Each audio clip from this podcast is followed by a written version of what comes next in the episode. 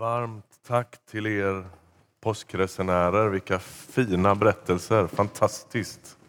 Vi är så glada, så stolta över att få vara en del i det som händer i påskresorna. Fantastiskt fint. Tack snälla.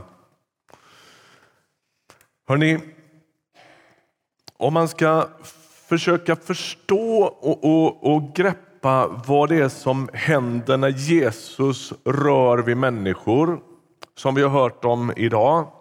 Eller den stora berättelsen om när Jesus landstiger i världen. Då behöver man ha lite koll på ett uttryck, nämligen uttrycket Guds rike. Det återkommer ständigt och jämt i Jesu undervisning.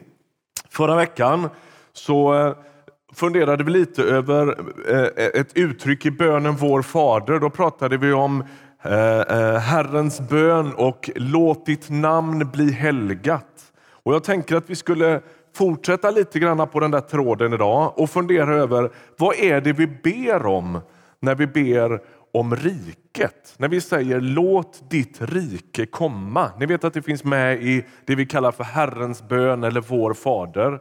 Låt ditt rike komma ber vi. Det har kristna gjort i 2000 år ungefär. Men vad betyder det? Vad är det vi ber om när vi ber det? Guds rike, säger Bibeln, är liksom inplanterat i världen i och med Jesus. Och Det här riket det har ingenting med nationsgränser att göra. Det är ingen som kan säga att Guds rike är lika med Sverige eller Guds rike är lika med Amerika eller Israel eller Danmark eller Grönland eller något. Utan Guds rike spelar på, liksom i en, på ett annat sätt, kan man säga. Eh, det har inte med andra viktiga saker att göra som ofta finns i nationer. Guds rike beskrivs inte bäst genom en flagga. Guds rike beskrivs inte bäst genom en symbol, även om vi har en alldeles central symbol för Guds rike i korset. Men det finns viktiga, de här viktiga symbolerna som korset på väggen. Men det, om, om, man skulle liksom koka ner det eller försöka skärma av det och säga vad är Guds rike? Då skulle man utan att liksom eh, förenkla för mycket och, och, och, göra det här för, säga, eh, ja, för, för enkelt så skulle man kunna säga så här. Guds rike det finns där Jesus är kung. Är ni med? Varje rike har en kung. Varje rike har någon som bestämmer. Och Guds rike är tydligt kopplat till Jesus. Det är så kopplat till Jesus, så när Jesus kommer till världen då säger han, det första han säger i Markus evangeliet är Guds rike är här. Omvänd er och tro. Alltså, när han kom, då kom riket. Det skulle kunna vara ett uttryck för en viss hybris. Eller också är det sant. Då. Där han träder in, där finns riket. För han är dess kung. I Lukas 17, vi lägger upp det, så gång på gång i, i, i, evangelierna, inte minst när Jesus använder liknelser, så kommer det här begreppet Guds rike. Eller i Matteusevangeliet använder han begreppet himmelriket istället av olika skäl som vi duckar för just nu. Men i kapitel 17 och vers 20 i Lukas så står det tillfrågad av fariseerna om när Guds rike skulle komma svarade han Guds rike kommer inte på ett sådant sätt att man kan se det med sina ögon. Ingen kan säga här är det eller där är det. Nej, Guds rike är inom er. Alltså igen då, det går inte att se det där riket, inte på en karta. På jordgloben här borta där finns både Japan och Indonesien med, men Guds rike finns ju inte med. Därför att det rör sig på ett annat sätt. Det växer i en människa eller i relationer eller i olika företeelser i världen. Vi kommer tillbaka till det strax. Där Jesus får vara kung. Där han får bestämma. När vi hör här om att någon har bett en enkel bön på gatan och tagit emot Jesus i sitt liv, då är Guds rike där. Är ni med? För då plötsligt bryter Jesus in. Vi ska stanna en liten stund vid en annan text för att försöka fatta detta. Ni är med på att Jesus han ägnar ju nästan all sin undervisning i tre år åt frågan om Guds rike. Så det vore förmätet att påstå att man liksom snor ihop det här på en liten stund. Men vi, vi gör ett litet nedslag i Romarbrevet 14 och vers 17. Vi läser det lite ur sitt sammanhang, men jag ska beskriva strax i vilket sammanhang det står. Det är Paulus som är författare till det här. Paulus som ju är missionären framför andra, måste man nog säga ändå, i Nya testamentet. Grundar församlingar på plats efter plats. Där kan man snacka påskresa. Eh, ibland stannar han ungefär lika länge som ni gjorde. Och ibland stannar han i flera år på plats efter plats. Så. Och så grundas det församlingar och då skriver han till romarna så här. Guds rike är inte mat och dryck utan rättfärdighet och frid och glädje i den helige Ande. Så säger han. Guds rike är rättfärdighet, frid och glädje i den helige Ande. Bakgrunden är den här att de lever alltså som kristna i Rom. Ehm, en församling som är en mixad församling. Där finns judar och så finns det så kallade hedningar, alltså människor som har kommit till tro utan judisk bakgrund. Som du och jag. De är icke-judar. Det är det som kallas för hedningar i Bibeln. Ehm, och när man har kommit till tro utifrån en hednisk bakgrund i Nya testamentets tid, då är det inte så att man kommer till tro från att ha varit ateist, utan man tror på massvis med gudar. Och man offrar till massvis med avgudar och hela Rom är fullt med olika tempel till olika gudar och så. Och i de där offerriterna så offrar man kött som man, som man eh, offrar i, i, i eh, gudstjänstriter. Då. Eh, och sen är det där köttet, det är som att man har en, ett tempel och sen i undervåningen på det där templet så ligger mataffären. Så man liksom plockar det här köttet som man har eldat på, eller grillat kan man säga till, till, av, till avgudarna där och så plockar man ner det i våningen under och så säljer man det i luckan. Och det går i princip inte år 60, 55-60 efter Kristus att köpa kött i Rom som inte har varit i kontakt med avgudatemplen. Är ni med? Det här är helt invävt i kulturen. Och Det är tempel överallt. En del av det varit i Rom eller i Efesos eller i något, någon av de här städerna där utgrävningarna är ganska stora och man ser det är tempel i varenda gathörn. Allt präglas av det där.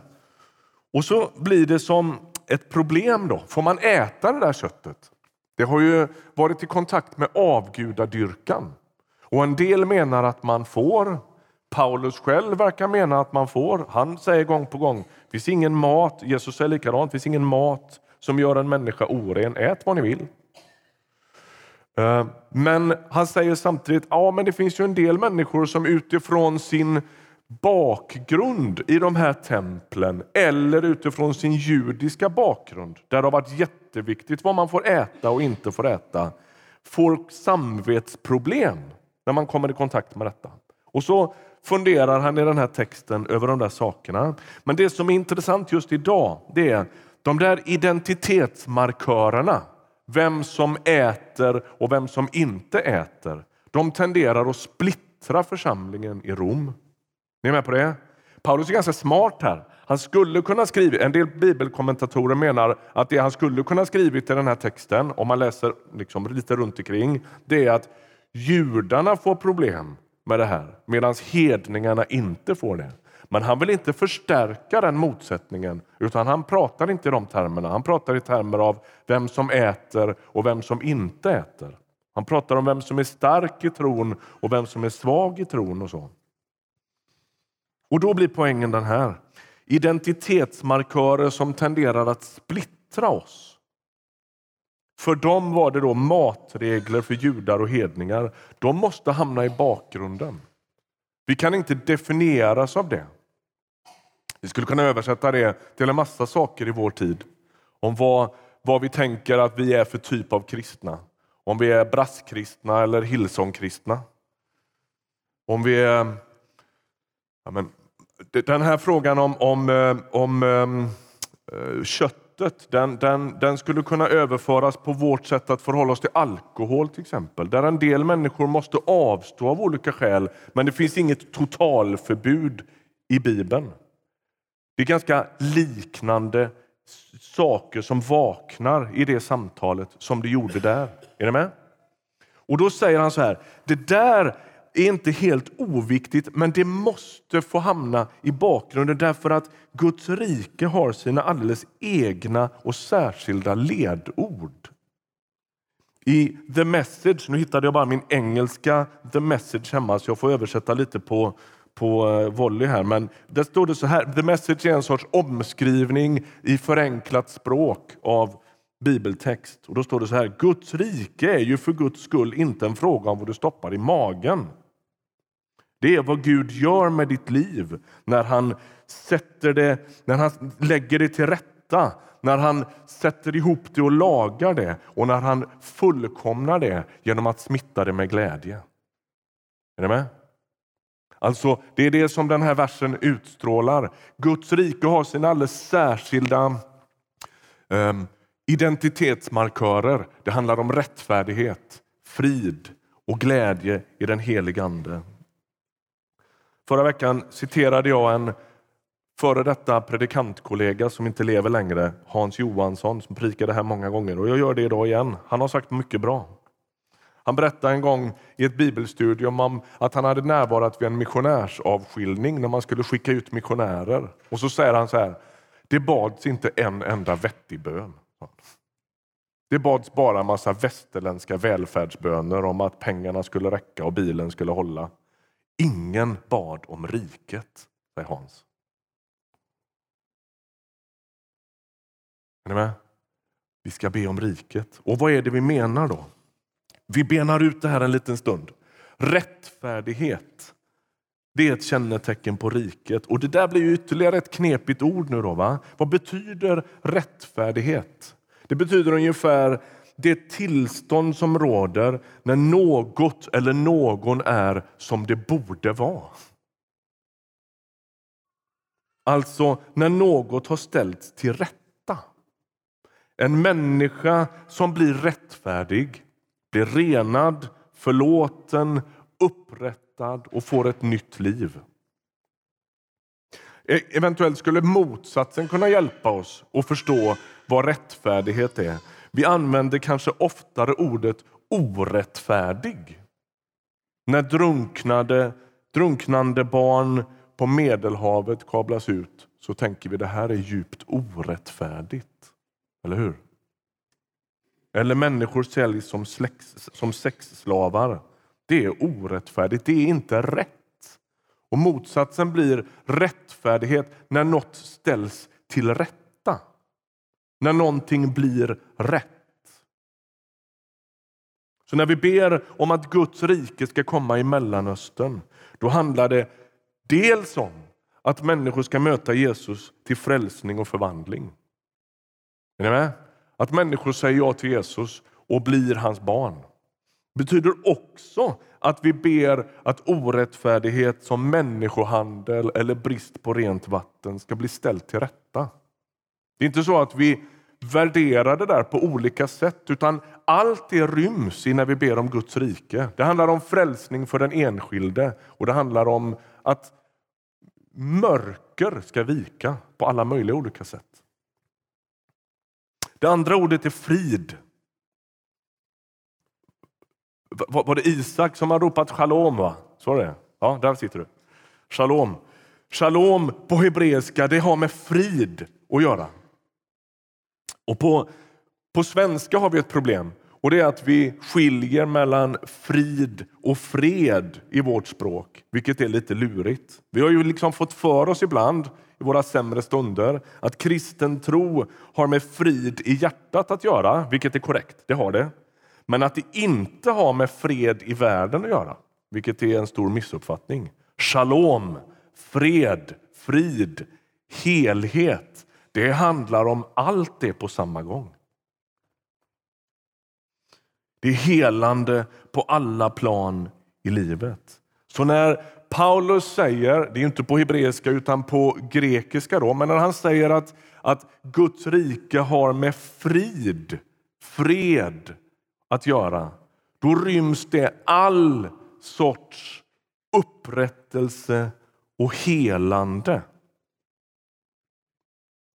För ett par år sedan så skrev jag en bok som heter Bottenkänning. Och jag blev bara påmind om ett stycke där. Jag tänkte läsa det för er. Så här skrev jag då. En dag då träder han fram över livets skönhet och skit och han blir den djupaste uppfyllelsen av all vår längtan.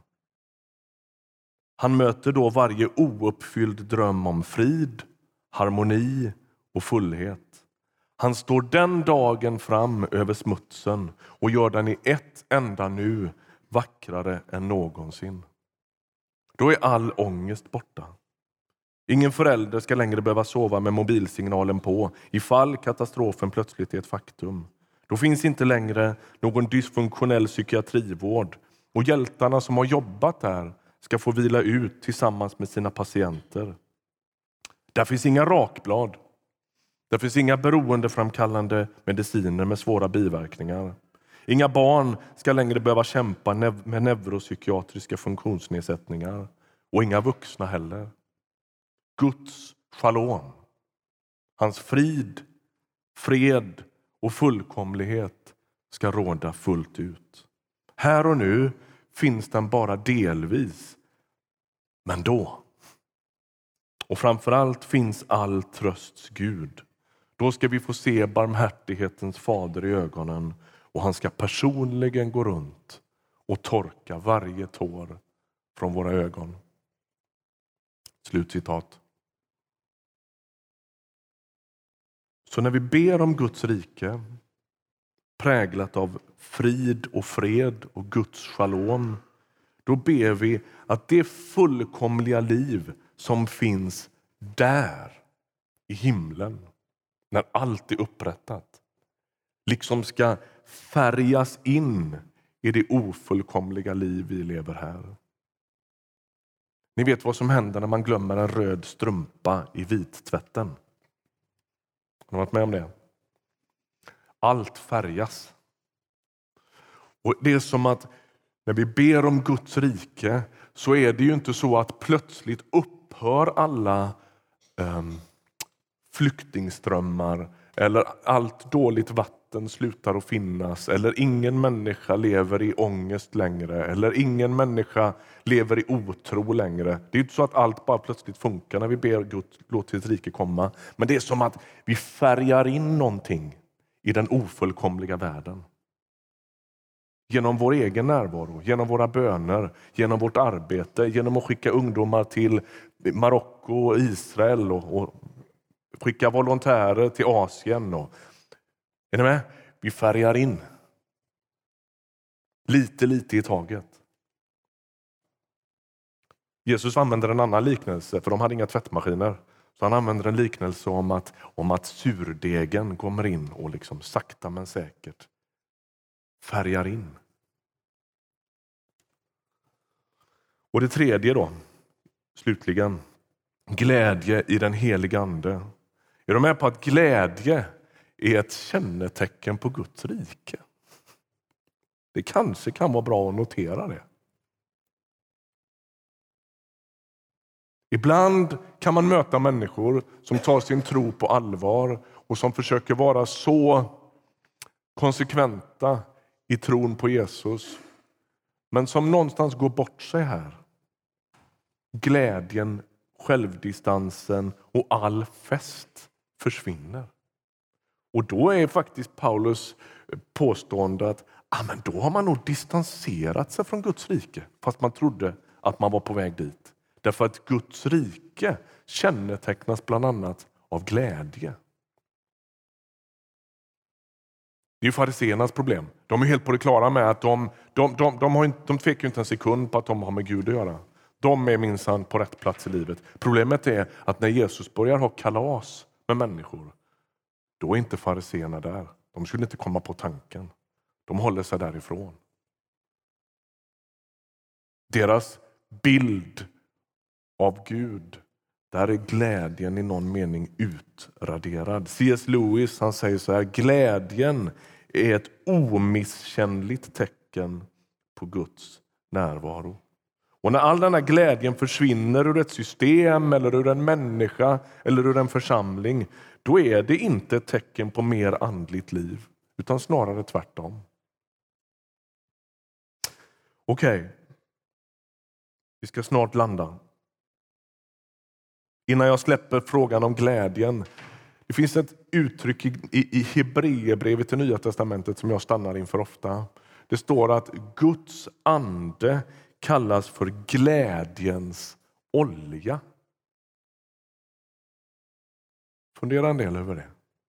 När en människa gör ett djupt möte med Gud så är ett av kännetecknen glädje. Det står i kapitel 1. Jesus är smord med glädjens olja. står det där. Okej, okay så den djupaste responsen på världens lidande och djävulskap det är att be om riket.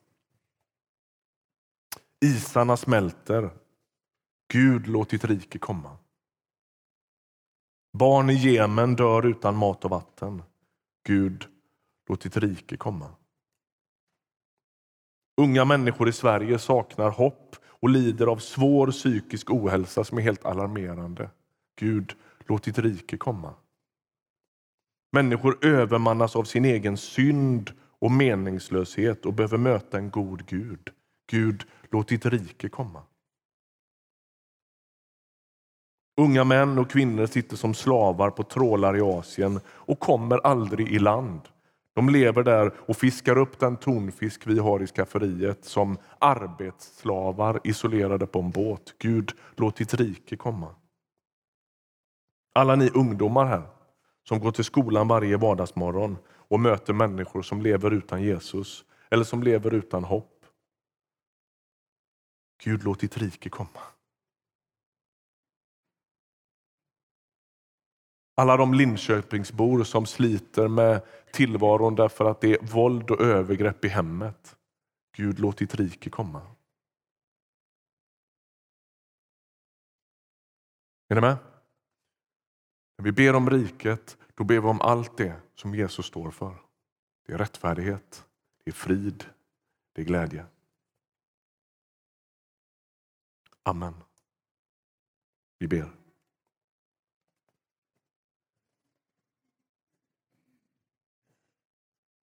Herre, jag ber för mina vänner här i Ryttargårdskyrkan idag. Du vet vad vi bär på våra axlar.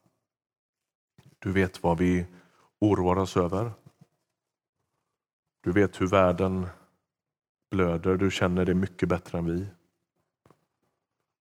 Vi ber, låt ditt rike komma. Låt ditt rike komma. Jesus Kristus, du är kungen. Du är Herren. Du är härskaren i det riket och du har präglat det riket med ödmjukhet, tjänande, vänskap, kärlek, shalom. Vi ber, låt ditt rike komma. Jag ber för den som sitter på gudstjänst hos oss idag och sliter så med sitt liv att man har förlorat hoppet. Låt ditt rike komma. Jag ber för den som sitter här och betraktar det som sker lite nyfiket men som är fullt medveten om att man inte riktigt är en del av detta. Herre, låt ditt rike komma. Förlåt synd och dra människor in i dig själv. Vi vänder oss till dig. Vi ställer oss till ditt förfogande. Gör oss till rikets medborgare. Låt det få läcka Guds rike där vi går fram. Amen.